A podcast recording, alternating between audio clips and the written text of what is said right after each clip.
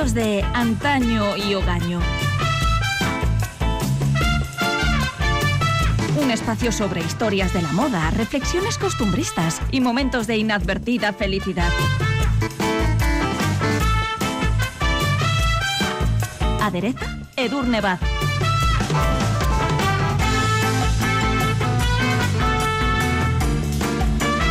Vigente en Estados Unidos desde 1920 hasta 1933. Qué 13 años más tristes. También conocida como Ley Volstead, en honor a uno de sus máximos promotores, el senador republicano Andrew Volstead, esta prohibición no logró evitar ni reducir el consumo de alcohol. Edurne Baz. Sí, porque esta ley provocó todo lo contrario de lo que se esperaba de ella, de todo lo que pretendía. Es decir, sirvió en bandeja al crimen organizado un lucrativo a la par que sanguinario negocio. Totalmente, porque la ilegalización de la fabricación, el transporte, la importación, exportación y venta de alcohol alumbró un mercado clandestino que ya abasteció pues esas célebres fiestas de los años 20 locos que tenemos todos en mente, al tiempo que regaba con sangre las calles de grandes ciudades como Chicago Nueva York que se convirtieron bueno, pues en territorio de la mafia, ¿no? Hoy en Déjate llevar vamos a viajar a aquella edad de oro del crimen organizado, las fiestas clandestinas y el alcohol destilado de forma casera. Hoy en Asuntos de antaño y hogaño, la fallida ley seca.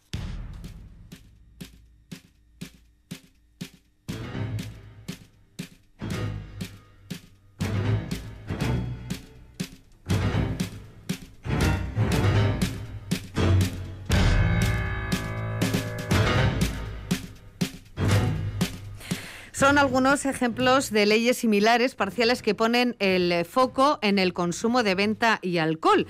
Pero hoy nos vamos a centrar, como decíamos, en la más famosa y mediática ley seca, la que entró en vigor en Estados Unidos en 1920 y permaneció vigente hasta 1933. Pero si te parece, vamos a empezar recordando también que hubo otras leyes secas. Esta es la más mediática, como decíamos, pero es importante también recordar que hubo otras prohibiciones y que aún rigen, algunas de ellas por motivos religiosos, por ejemplo, en muchos países musulmanes como Arabia Saudita, Kuwait, Qatar, donde el alcohol está permitido únicamente en los bares y restaurantes de algunos hoteles o entre los ciudadanos extranjeros que posean el correspondiente permiso. Por ejemplo, en Turquía, donde el régimen de Erdogan implantó hace muy poquito, en 2013, una ley seca parcial que, entre otras medidas, prohíbe, por ejemplo, la venta de alcohol a partir de las 10 de la noche o en un radio de 100 metros alrededor de y centros educativos. También otros países han impuesto leyes secas completas o parciales a lo largo de su historia. Mencionábamos ya a Rusia, ¿no? que puede ser un caso sorprendente, pero allí entre 1914 y 1925 también hubo una ley seca. Otro ejemplo llamativo es el islandés, porque la cerveza, vinculada al estilo de vida danés y por lo tanto percibida mm, por ellos, ¿no? por un país que había luchado por su independencia como poco patriótica, estuvo prohibida en Islandia hasta 1989 y desde entonces, bueno, ahora han recuperado el tiempo porque cada 1 de marzo el país insular celebra el Día de la Cerveza que conmemora justamente el fin de la prohibición. En otros países también del continente americano como Argentina, Bolivia, Brasil, Chile, Colombia, Costa Rica, Ecuador, El Salvador, Guatemala, México, Paraguay, Perú, Uruguay, Panamá, Venezuela, bueno, hay leyes secas parciales que afectan igual a determinados horarios de consumo, a puntos de venta concretos o a jornadas específicas como por ejemplo las electorales o las que van por grandes citas deportivas que pudieran derivar en altercados beneficiados también por el alcohol, ¿no? Y por supuesto, pues otras variantes de las leyes que regulan el consumo de alcohol serían las conocidas como leyes antibotellón, que con carácter autonómico pues rigen sin ir más lejos aquí en España. Bueno, ya lo hemos dicho, ya las hemos presentado. Estas son eh, ejemplos de leyes eh, similares que ponen el foco en el consumo y la venta de alcohol, pero nos vamos eh, a centrar en eh, el 17 de enero de 1920, momento en el que, como hemos dicho, quedó prohibida la producción, distribución y venta de alcohol, tanto en Estados Unidos como en todo el territorio sometido a, sus, a su jurisdicción. Y, y eso es lo que preguntábamos. ¿Es una o fue una ley férrea o había algún resquicio? Bueno, se contemplaron algunas excepciones, como el uso terapéutico del alcohol en situaciones muy específicas y también, por supuesto, bajo prescripción médica, o el uso del vino en el ámbito de los ritos religiosos, en el caso, por ejemplo, de los católicos o de los judíos. El resultado de esta normativa, como hoy sabemos, fue muy distinto a lo esperado. Antes lo planteábamos, el consumo de alcohol no se redujo significativamente más allá del primer año de vigencia de la nueva ley. En cambio, la violencia y el tráfico ilegal tomaron las calles y si antes de la prohibición había 4.000 reclusos en las prisiones federales, en 1932 esa cifra ascendía ya hasta los casi 27.000. Bueno, ¿y qué ocurrió durante aquellos, eh, aquellos años y lo que es aún más importante? ¿Cuál fue el contexto histórico y social en el que se había gestado la ley seca? Bueno, el contexto es muy importante y también es muy revelador porque las motivaciones para el impulso, desarrollo y posterior aprobación de esta ley iban mucho más allá de controlar el consumo de alcohol desde una perspectiva sanitaria o social, que por supuesto también era una de las razones, pero había en esta iniciativa otros motivos de carácter, por ejemplo, económico, como la idea de que un trabajador bajo la influencia del alcohol pues no rindiera ¿no? apropiadamente. Había bastante también de fanatismo religioso y había, por supuesto, abierta xenofobia.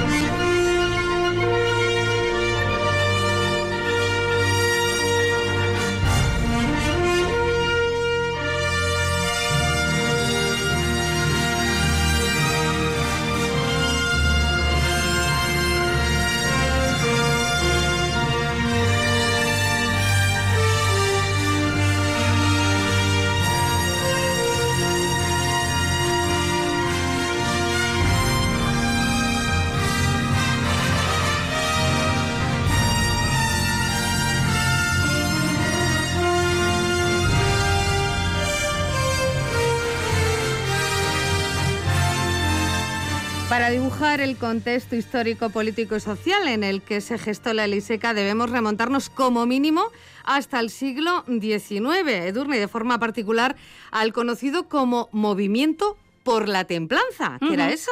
Bueno, era un movimiento que intentaba combatir el consumo de alcohol al que hacía responsable de daños físicos y psicológicos, también del empobrecimiento y la destrucción de muchas familias o por supuesto de los malos tratos sufridos por muchas mujeres y niños a manos de sus ebrios esposos o padres, ¿no?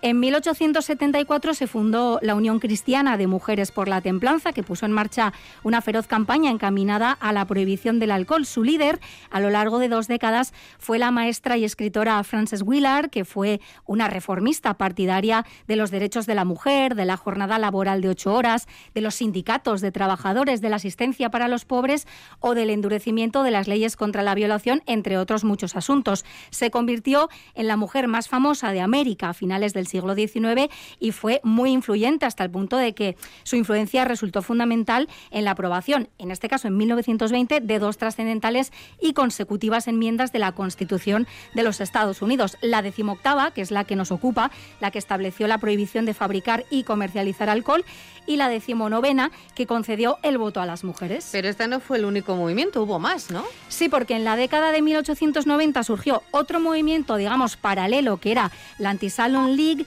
o algo así como la Liga Antibares, ¿no? cuyos miembros irrumpían en las tabernas entonando oraciones en sus formas de estrategia más sutiles o con métodos mucho más expeditivos, como los que hicieron célebre, por ejemplo, a la activista Carrie Amelia Nation, cuyo marido había muerto alcoholizado y por lo tanto esta mujer estaba muy motivada con el asunto, entraba con una Biblia en una mano y con un hacha en la otra y allí pues destrozaba barriles de alcohol, botellas y si se daba el caso, pues el mobiliario también del bar. ¿no? Y alguna cabeza si se ponía bueno, en medio. si se ponían en medio y estaba muy cabreada, como parece que lo estaba, pues podría ser, ¿no? Y por otro lado, con el cambio de siglo aumentó entre los discutiblemente considerados nativos la inquietud por la llegada masiva de inmigrantes, alrededor de 40 millones de hombres, mujeres y niños, hay que decir, en su mayoría europeos, llegaron legalmente a Estados Unidos entre 1820 y 1920. Muchos estadounidenses blancos, anglosajones y protestantes, los que se conocen bajo las siglas WASP, percibían como una amenaza ¿no? para la identidad y la moralidad de la nación las a su juicio, disolutas costumbres de los inmigrantes de la clase trabajadora. Claro, y una de esas costumbres pues era ir de tabernas. Por supuesto, porque eran mucho más allá eh, del concepto de taberna que tenemos ahora mismo, ¿no? Eran centros sociales en los que aparte pues de descansar después de sus duras jornadas laborales, recibían el correo, llamaban por teléfono, celebraban reuniones de carácter político, eh, jugaban, por supuesto, si hace falta las cartas o lo que se terciara, se relacionaban también, por supuesto, de forma sexual, comían y obviamente bebían, ¿no? Y los conservadores WASP pues eh, consideraban las tabernas verdaderos antros de perdición, focos de delincuencia, los hacían eh, responsables directos de los males de la sociedad y este componente racista y xenófobo era evidente ¿no? en una América rural, blanca y protestante que se sentía amenazada por la inmigración urbana, multiétnica y mayoritariamente católica. Y claro, en este caldo de cultivo pues caló muy hondo una historia espeluznante que los medios divulgaron.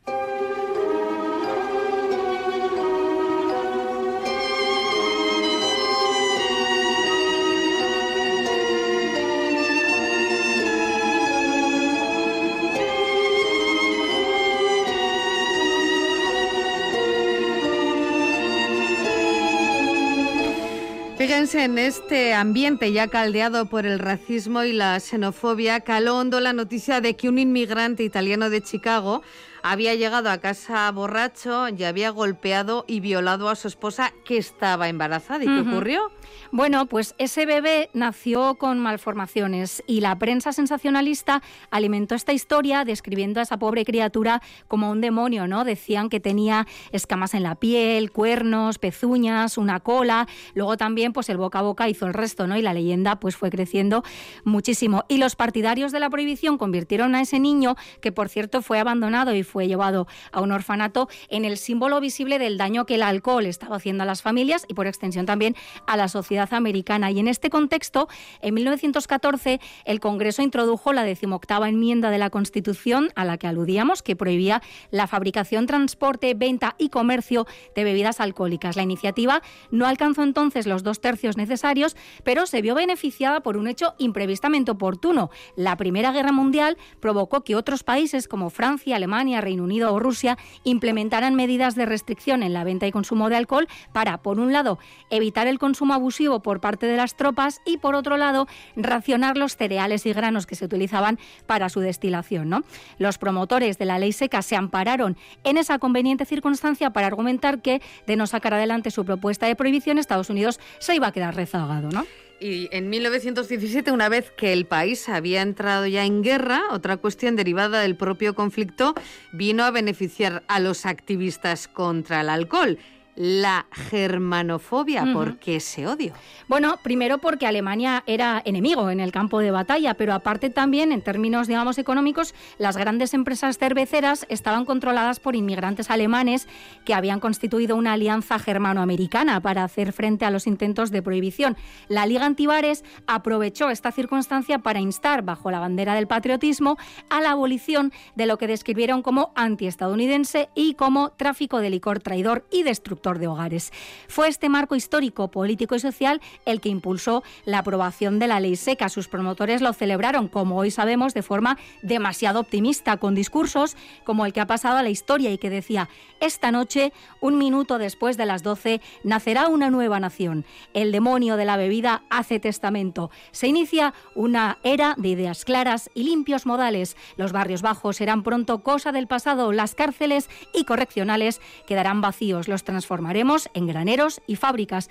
Todos los hombres volverán a caminar erguidos, sonreirán todas las mujeres y reirán todos los niños. Se cerraron para siempre las puertas del infierno.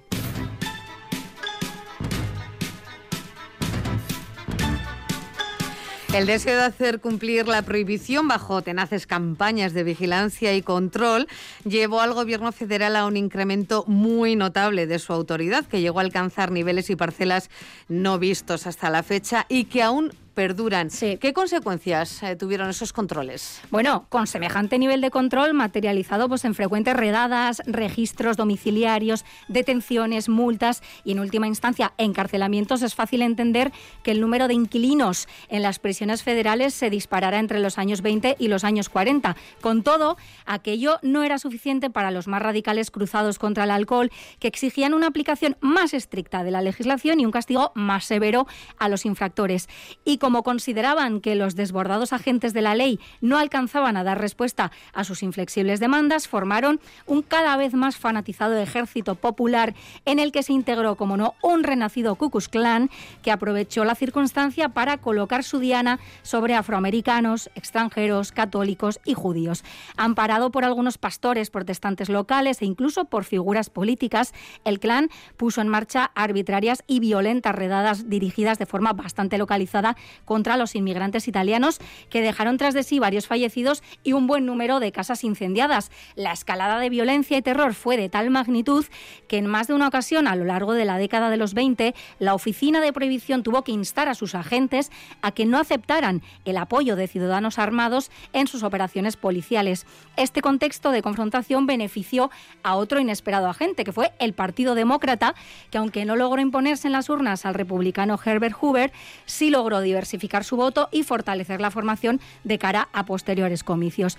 Tras su investidura, el presidente Hoover estableció la primera Comisión Nacional contra el Crimen a gran escala, expandió el FBI, creó la Oficina Federal de Narcóticos y puso en marcha una campaña de crecimiento carcelario. Y no hace falta señalar que entre los infractores encarcelados se encontraban en su mayoría criminales de poca monta o simples y, por supuesto, pobres ciudadanos condenados por fabricar alcohol en sus casas. Y en ese contexto, y haciendo el agosto en las calles, estaban, por supuesto, los grandes capos del crimen organizado. Sin duda que fueron los grandes beneficiados por la ley seca y también divirtiéndose de lo lindo con el alcohol precisamente que esas mafias se encargaban de suministrar a precio de oro estaban, como lo han estado siempre, los verdaderamente intocables, ¿no? Los ricos o nuevos ricos, los Daisy Buchanan o Jay Gatsby de turno. Dime una cosa, Nick. ¿Quién es este Gatsby de los demonios? ¿Algún contrabandista? ¿Qué va? Es primo del Kaiser. Nick. Estoy seguro de que es un contrabandista. Todos estos nuevos ricos no son más que grandes contrabandistas, ¿no lo sabías? Gatsby no.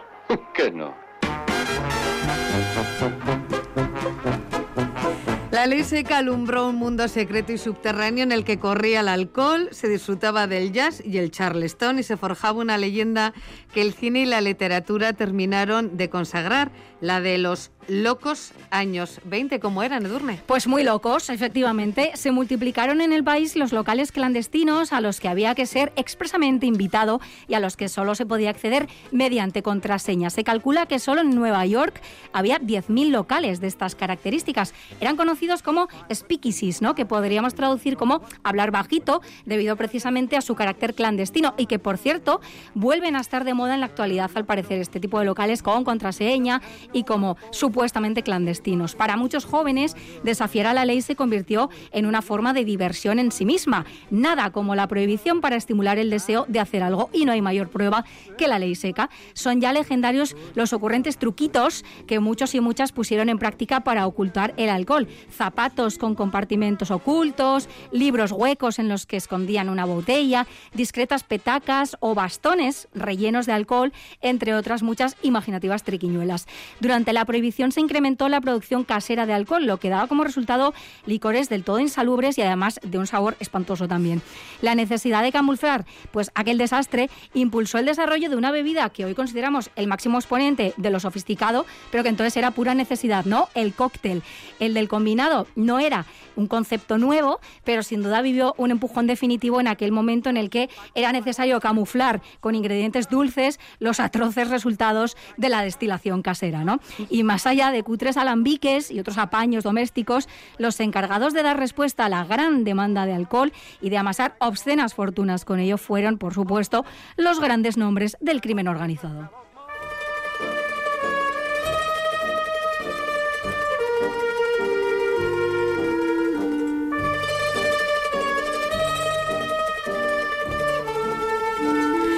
La ley seca se enfrentaba a una peculiaridad geopolítica. Estados Unidos se encontraba rodeado de productores de licores como Canadá, las islas caribeñas bajo dominio británico, Cuba o México. Eh, no sé si, si resultaba fácil o difícil evadirse de esas influencias. Bueno, no había ninguna intención alguna de hacerlo, todo lo contrario, ¿no? Era una ventaja porque, bueno, la importación ilegal de alcohol era un negocio muy arriesgado, pero también muy, muy rentable, porque en Estados Unidos se vendía a precio de oro y la gente estaba más que dispuesta a pagarlo. Así que, claro, esto desató una sangrienta guerra entre bandas rivales o grandes familias de la mafia que querían su trozo del pastel o la tarta entera, ¿no? Chicago y Nueva York se convirtieron en el principal tablero de juego de estos grupos violentos que a veces colaboraban y se repartían beneficios y otras veces pues se mataban entre ellos, ¿no? Como en la tristemente célebre matanza de San Valentín, el 14 de febrero de 1929, la batalla por el control de Chicago derivó en la muerte a balazos de siete hombres. La orden la habría dado el capo entre los capos, el más mediático de los capos, Al Capone. Y así de cínico se mostraba ante la prensa interpretado por Robert De Niro en la película Los Intocables de Elliot Algunos dicen, en especial los reformistas, metan a ese hombre en la cárcel. Es que no ven lo que está haciendo. Y yo creo que lo que hago, y en eso el periódico dio en el clavo, es responder a la voluntad de la gente. A la gente le gusta beber, ustedes lo saben, y yo también. Lo que hago es actuar en consecuencia. Y esas habladurías sobre el contrabando, ¿qué es contrabando? En el barco es contrabando, en tierra firme es hospitalidad. Soy un hombre de negocios. Me crié en un barrio difícil. Y allí decíamos, con una palabra amable y una pistola llegarás más lejos que con solo una palabra amable. Quizá lo tomé al pie de la letra. Y a veces la reputación le sigue a uno.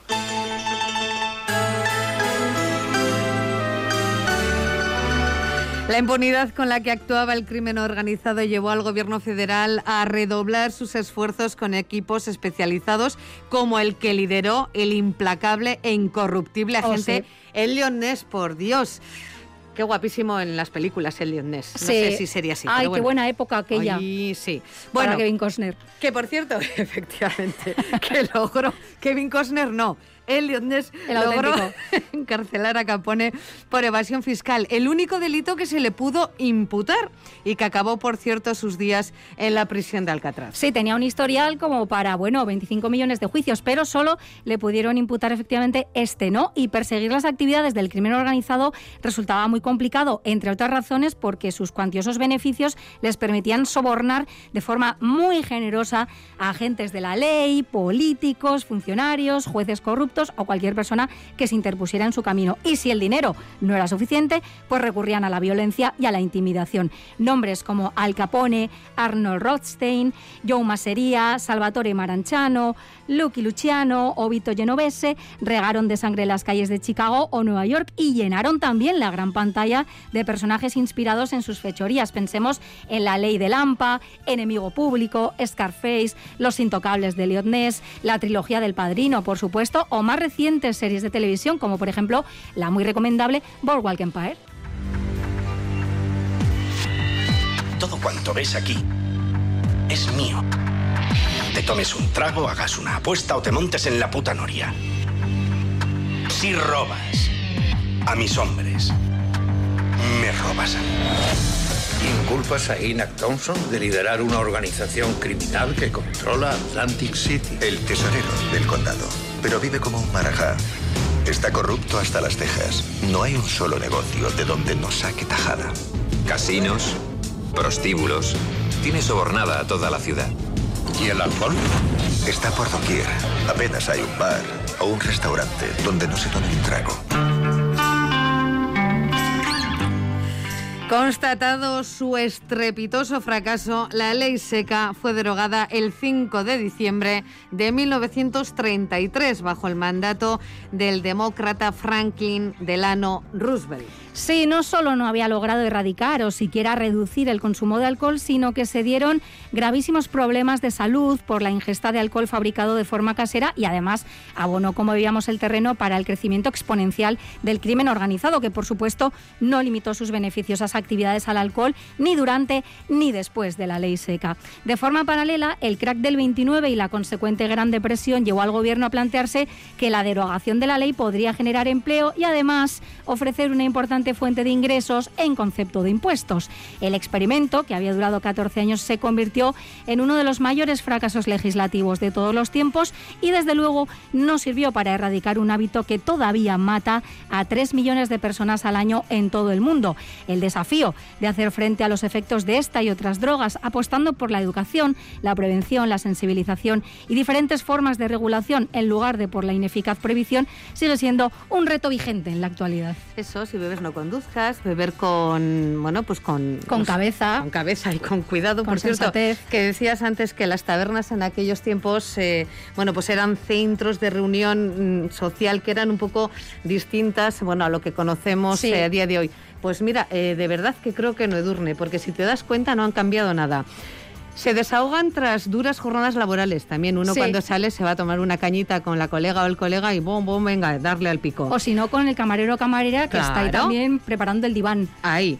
Recibían el correo, pues vale, pues ahora a través de los móviles que estamos todo el rato tucu, tucu. Llamaban por teléfono, por supuesto, whatsappeaban, en ese momento no, pero ahora sí. Celebraban reuniones de carácter político. Pues a ver, cuando te juntas hay mm, cuatro o cinco colegas, que si esto, que si lo otro. Ahí se arregla el país. Hombre, por supuesto, ya lo sabes. Y si sabes de fútbol ya, pues más que cualquier entrenador Y si de eres todo el planeta. epidemiólogo, por Hombre, ejemplo, ¿no? Pero por supuesto, o sea, por supuesto. ¿Se entregaban al juego? Pues también. Sí. ¿Se relacionan sexualmente? Pues también. Porque Ay, lo- esos baños si hablaran, ¿no? Exactamente, me lo has quitado de la mente. Es así. Comían y, por supuesto, bebían. Bebían, sí. ¿En qué ha cambiado la cosa, querido No, ¿Dónde tiene la gente sus primeras citas? Siguen siendo los bares como lugares más o menos seguros. También es importante esto. También, siempre. Bueno, en fin, pues que es que estamos aprendiendo constantemente de la historia y no terminamos de hacerlo, que eso es lo peor, pero No. bueno.